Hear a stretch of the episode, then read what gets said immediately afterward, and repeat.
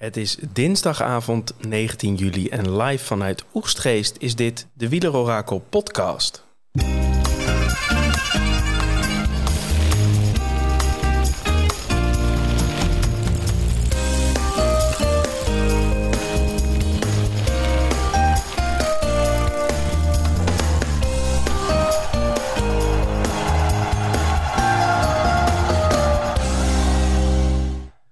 Wat een dag om jezelf op te sluiten, gordijnen dicht en lekker Tour de France te kijken.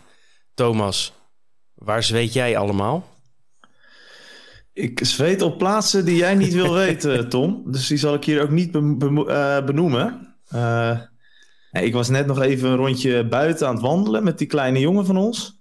Maar echt het zweet gutste van je voorhoofd. zo, uh, zo klam en heet was het. Nou, ik vind dat ik, ben niet uh, helemaal iemand die daar heel goed tegen kan. Ik vind het zelfs wat viezig. Nou ja, ik ben ook niet helemaal van. En uh, gelukkig hebben wij tegenwoordig een airco in de, in de slaapkamer. Dat is wel echt een van de beste investeringen die wij uh, tot nu toe hebben gedaan. Ja. En nou, het is in een nieuwbouwhuis en enigszins nog te doen op de begane grond. Ja. En dan vind ik het nu met uh, graadje of 26 vind ik het al warm. Maar ik weet dat er mensen zijn die, uh, die hem rustig gewoon uh, rond de 30 hebben zitten. Ja, misschien eens even kijken wie er van onze luisteraars met het de hoogste temperatuur zit, zeg maar. dat is wel leuk om dat eens even in de, in de comments te, po te posten. Ja, hoe, hoe warm heb jij de Tour gekeken? Die kunnen we ja. er nog wel even ingooien. Maar de temperatuur op je slaapkamer die blijft laag dus vanavond, Tom. Die is altijd laag, Thomas. Constant ook. Oké. Ja, met...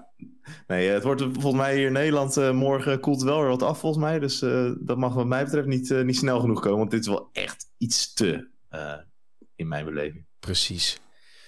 Maar er is wel weer gewoon gefietst. Toch wel weer lekker na zo'n rustdag. Hè? Dan weet je weer wat je gemist hebt.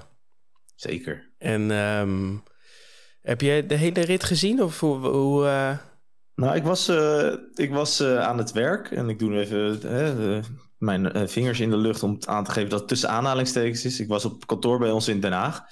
Uh, maar ik heb wel grote delen wel uh, met een schuin oog gekeken. het begin even gekeken hoe de vlucht tot stand kwam. En daarna ook het stuk eigenlijk gewoon de, de, de laatste twee klimmen, zeg maar. En eigenlijk de, de typische strijd op twee fronten die we gezien hebben. grote groep weg, 28 man toch even schrikken. Hè, van, nou ja, Vlaashoff erbij. Uh, wat gaat dat doen? Het leek, uh, alle ploegen lieten toch wel wat werk aan Jumbo. En ja, je hoorde veel vragen. Ja, moeten ze dan Van Hooijdonk en Van Aert niet terughalen? Ja. Ehm, nou ja, achteraf denk ik van niet. Hè. Ik denk dat dit een hele goede tactiek was die, die Jumbo heeft gehanteerd. Omdat Van Aert nu nog eigenlijk gewoon het laatste stuk kon brommeren naar de finish toe. Met, met Koes en met Vingegaard. Ja, ze deden in principe weer wat ze vorige keer ook deden. Hè? Dat ze toen, toen hadden ze Laporte en Van Aert mee. En dan ja. uh, Laporte uh, wachtte toen op, op, uh, nou ja, op zo'n klim bovenop. En die trok ook dan de, de, afdaling en een klein stukje dal door. Ja. en Van Aert die stond op de volgende top te wachten. En dat deden ze in principe nu weer. Hè? Met Van Hooijdonk dan op die eerste. En dan nu Van Aert op die, op die tweede. En dan of Vingegaard ligt ervoor of hij ligt gelijk met Pogacar, of hij ligt er misschien achter. Nou, het heeft altijd nut. Ja, zeker nu. Dit heeft absoluut nut, omdat de finish beneden lag. Hè. Er was nog een lange afdaling. Dus uh, Pogacar kon natuurlijk wel aanvallen wat hij wilde. Maar als uh, Van Aert daar bij Vingegaard zou komen, dan, uh, dan was het eigenlijk uh, Kasi dat ze daar gewoon terug naartoe zouden rijden. Dus je ontneemt meteen een soort van de hele aanvalslust bij Pogacar, denk je. Maar goed, hè, Pogacar, die, de, de aanvalslust van Pogacar ontnemen is natuurlijk bijna een onmogelijkheid, zou ik bijna willen zeggen. Uh, maar op deze manier werk je, dat, werk je die tactiek wel heel goed uit. Hè? Want je zorgt dat Koes, die is sterk, die kan bij Vingegaard blijven. Nou, Benoot en Laporte kunnen iets in dat dal uh, doen. En uh, Van Hooijdonk en Van Aert zitten daarvoor. Dus ja, ja, en uiteindelijk waren ze... De dus- etappe heb je eigenlijk knechten voor Vingegaard. Het risico is natuurlijk anders dat Van Aert en Van Hooijdonk er meteen worden afgereden op de eerste klim. En dan ben je ze kwijt. Ja, en bleek ook wel dat ze niet uh, heel bang waren voor Vlaashoff. Hè? Want ze, ze lieten dat best wel makkelijk gewoon oplopen. En het waren nog eerder zeg maar de Movistars en de um, uh, Ineos... Die, ja. uh, die uiteindelijk zich een beetje bedreigd voelden en het stokje overnamen. Ja, dan gaat iedereen toch wat aan zijn plaatsje denken, waar we het gisteren ook over hadden. Ja, dat sneuwe gedoe. Ja, precies. Maar ja, Vlaasov, je ziet, hij is ook niet in topvorm. Want hij, als hij Vlaasov in topvorm is, dan, dan rijdt hij natuurlijk mee voor de etappenwinst. Ja. Maar hij moest nou eigenlijk op die eerste klim moest hij er al af. Uh, toen kwam hij nog terug in de afdaling en dan bleef hij daarna eraan haken. Maar zowel McNulty als Van Aert lieten zich natuurlijk afzakken. Dus uh, hij behoorde ze niet tot de beste vijf uh, uit de vlucht. En een goede Vlaasov is dat, doet dat zeker wel. Ja, ik zag nog dat Van Aert die zei van... ja, ik heb me terug laten zakken natuurlijk. Maar dat hij in principe... Hij dacht wel dat hij de benen had om mee te kunnen doen om de zegen.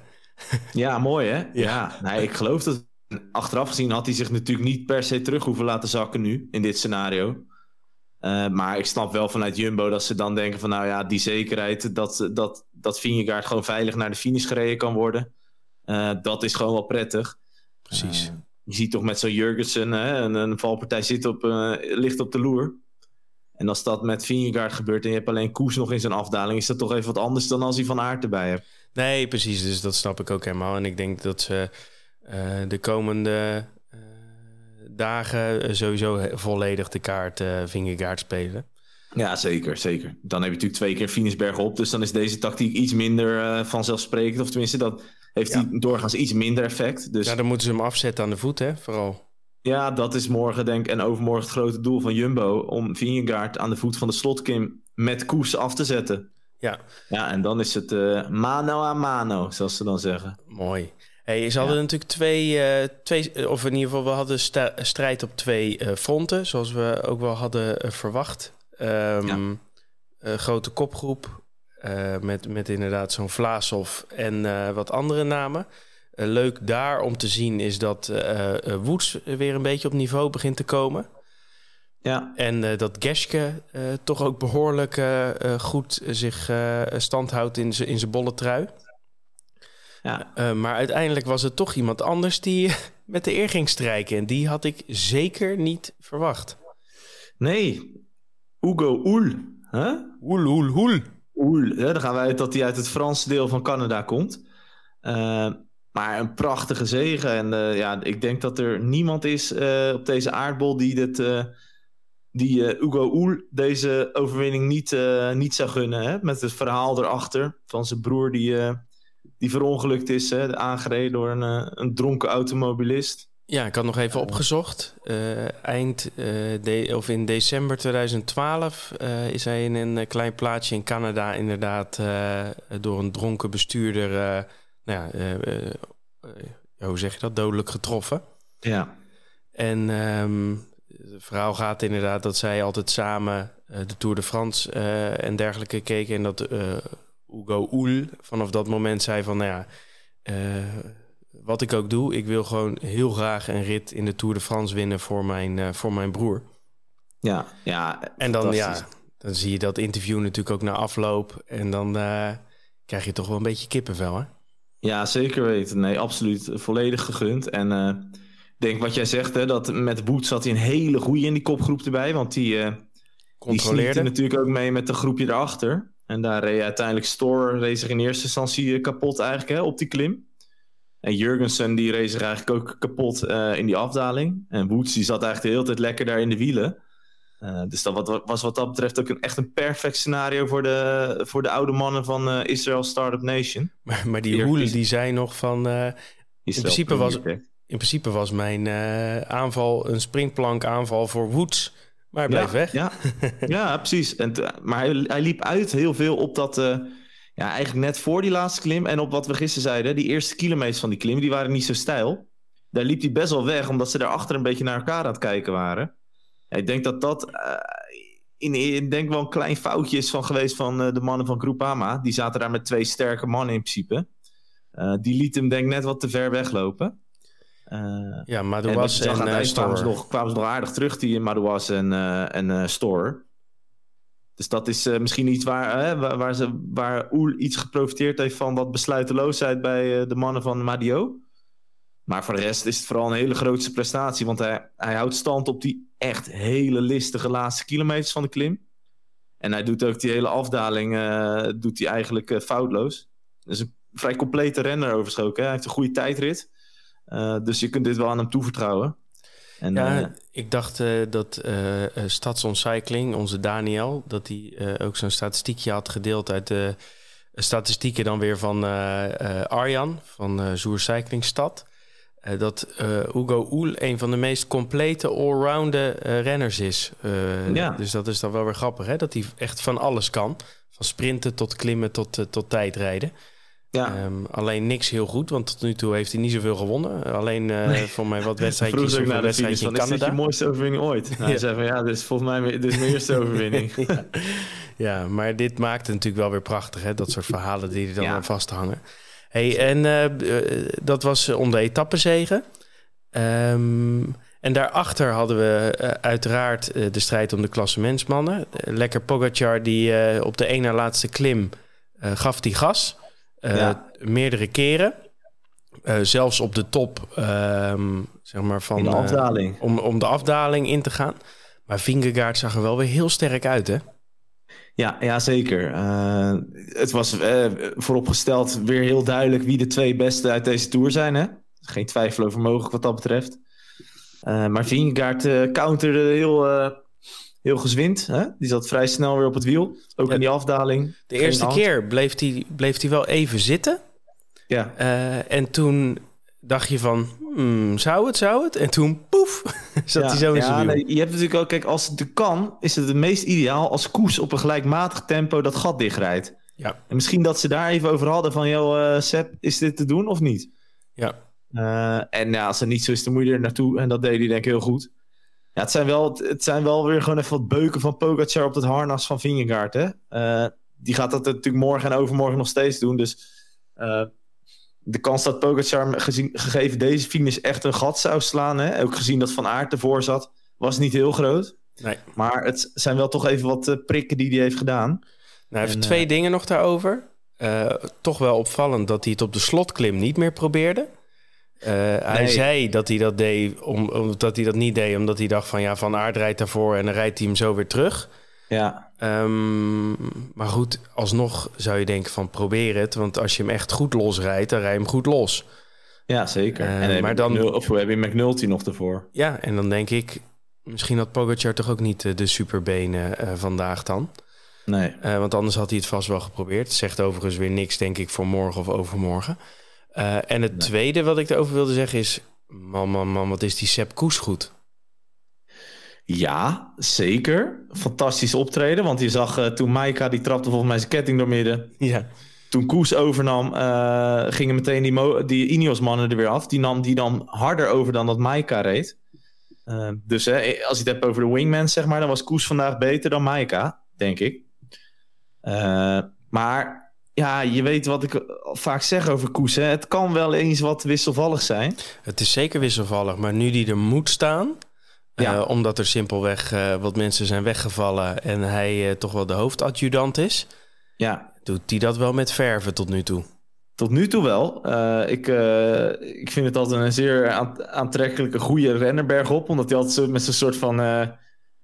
ja, met zo'n lach op zijn gezicht lijkt ja. wel die klimmen op, oprijdt. Alsof het hem niks uh, kost.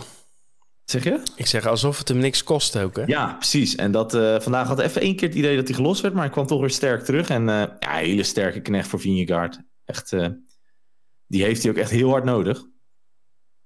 Dus zeker een pluim voor Koes. En ja, vandaag, dan zeg ik er ook nog iets over, denk ik. Bardet, jammerlijk door de mand gevallen had wat last van. Ja, ik weet, het kwam niet echt door of hij nou ziek was of dat hij last van de hit had. Eén van de twee, ja. Ja, maar stel dat hij ziek is, zou het toch wel zuur zijn voor Bardet. Hè? Want dan valt hij ook in de Tour ziek weg. Uh, uit een uh, kansrijke positie op podium.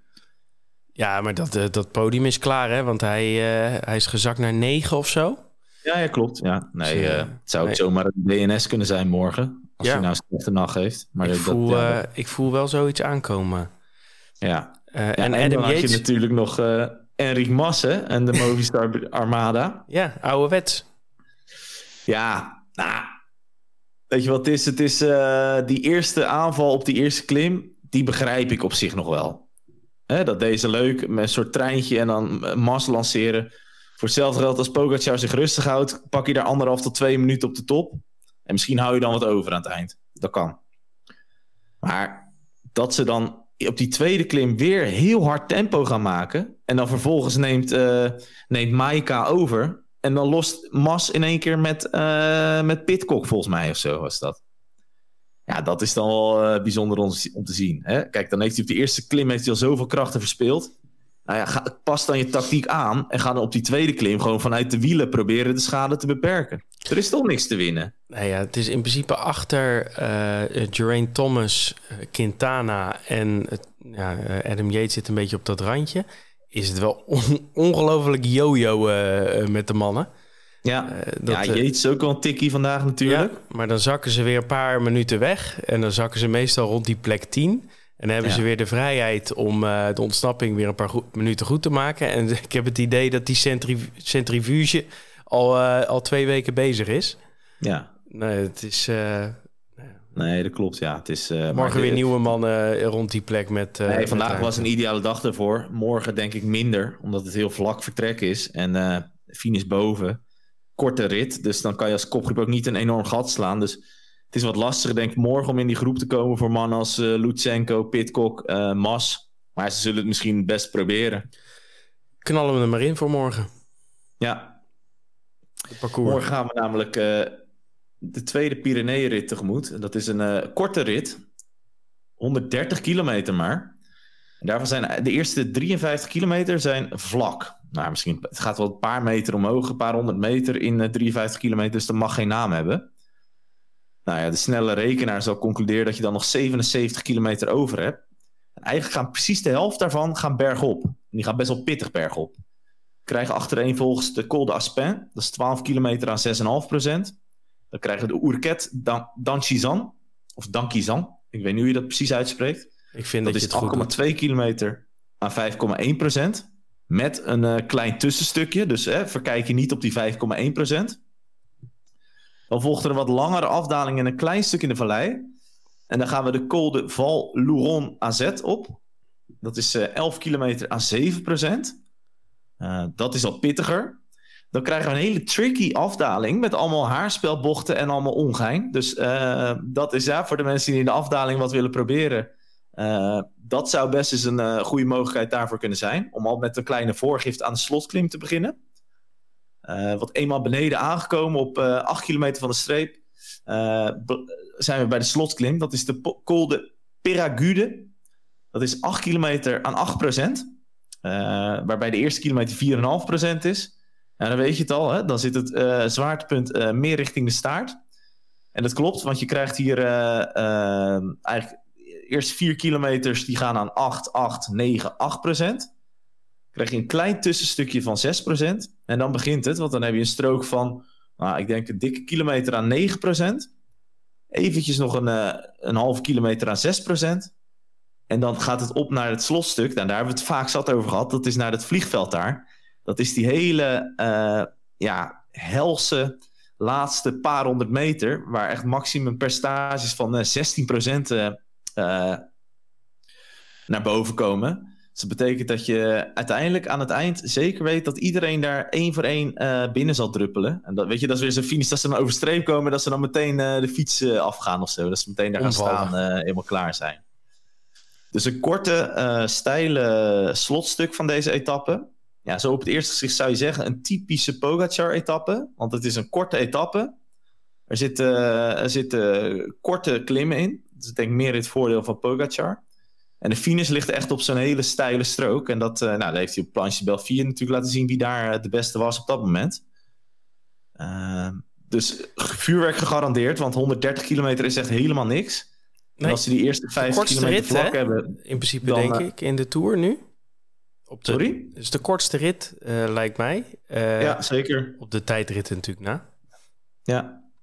Nee, dat klopt. Heel kort ook, 120. Dat is bijna criterium afstand. Ja, 130 kilometer. En daarvan is de, de, eerste 50 is gewoon vlak. Dus ja, als, het een beetje, als het een beetje mee zit of tegen zit, maar net hoe je het bekijkt, wordt die nog best wel hard doorgereden. Ja, en dan is het gewoon alleen maar op, af, op, af, op, af, op. Ja, heel explosief. Wat gaan we, wat gaan we zien qua uh, tactiek? Um, Want gaat, gaat bijvoorbeeld Jumbo of UAE semi controleren stoomtreinen? Of wordt het wel weer een groep die toch wel vooruit mag? Nou, UAE, daar hebben we het nog niet over gehad. Maar Soler vandaag buiten tijd, hè? Inderdaad, ja. Die zat te spugen achter het peloton. En kwam uiteindelijk ruim 50 minuten na de. La, ja, of in ieder geval na hoe over de finish. Ja, zoiets. Hij was een kwartier te laat of zo. Ja. Nou, dat ben ik ook wel eens, maar ik word nog niet uit deze podcast gegooid. Nog niet. Nee. Nee, ehm, de, de, vraag is even wat er gebeurt. Hè. Als ze weer een grote kopgroep gaat lopen, dan zal, dan zal denk Jumbo toch weer proberen om daar een Van Aert of een Benoot allicht mee te krijgen. Om te zorgen dat die in ieder geval de eerste bergen overleven. Als dat niet gebeurt en het blijft samen of er is een kleine kopgroep. Ja, dan, uh, dan zullen ze hopen dat, uh, dat Benoot wat opgeknapt is. Dat Van Aert die eerste klimmen meegaat. Want dat is wel een beetje het, het mysterie natuurlijk. Hè? Hoe goed Van Aert nu gaat klimmen.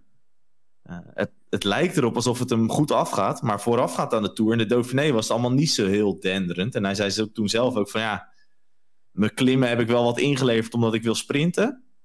Ja. Ik ben dus heel benieuwd hoe dat, uh, hoe dat morgen uitpakt. Hij ziet er wel goed uit uh, op dit moment. Ja. Ook klimmend. Zeker. Um, maar goed, over het algemeen, dit soort korte ritten zijn vaak niet heel gunstig voor de vluchters. Ook heel simpel, omdat ze minder kilometers en minder tijd hebben om een voorsprong te pakken. Hè? Ja. Dus dat, uh, dat is de, de meest simpele redenering. En er staat natuurlijk wel het een en ander op het spel. Dus ik kan me voorstellen dat, uh, dat het voor de klassementsman is. En stiekem hoop ik daar ook wel op. Ja, ik hoop er ook wel op. Maar met 50 kilometer, die is ook gewoon vlak. Hè? Dus dan krijg je niet dat, uh, dat de echte klimmers, zeg maar, dat die makkelijk in een ontsnapping komen. Nee, ook dat. Dus in die zin en... is er veel in het voordeel van de uh, ja, ik heb het idee dat Pogacar dat vaak ook wel prettig vindt. Hè? Een beetje die man tegen man gezegd gevechten. Dus misschien dat hij wel zegt tegen Hirschi en Bjerg. Die, die Hirschi rijdt natuurlijk ook geen teuk in een pakje boter. Dat hij zegt, nou weet je... Uh, ga maar gewoon met z'n 52 kilometer op kop rijden... en dan zoek ik het daarna zelf wel uit. Precies. Uh, dan blijven die bonificaties er nog in... en dan krijg je echt een man tegen man strijd allicht. Dus... Hey, het weer ook wel gunstig voor Pogacar... want het, de temperatuur zakt iets... Namelijk oh. naar een gaatje of uh, 24. Uh, kan oh. zelfs een druppeltje vallen. Overwegend bewolkt. Uiteraard ook wel kans op wat zon. En ja. heel weinig wind. Windkracht 2. Oké, okay, maar blijf wel droog. Nou ja, er kan dus wel een druppeltje vallen. Maar ik denk, het gaat niet plensen of zo. Nee, want dat, die, die ene, die, die, ik zei net, hè, die, die laatste afdaling van die, uh, van die Col de Val Louron Zet dat is een hele tricky afdaling met veel haarspelbochten. Dus mocht het regenen, maar goed, dat, daar gaan we dan maar niet vanuit, kan dat nog wel eens wat spektakel opleveren. Precies. Uh, goed, dat, dat hopen we natuurlijk niet, omdat het spektakel ook weer niet is dat we iedereen nee. willen zien vallen. Hè? En dat hoeft voor mij ook niet hoor, die regen. Als ze maar nee. voor de klassemens, als de klassemensmannen het maar gaan uitmaken. Ja, zeker. computervoorspelling pakken we erbij. Voor etappe 17 Enric Mas op 10, 1,8% kans om te winnen. 9 onze Louis Mijntjes, 4,7%. 8 Bardet nog, 5,4%.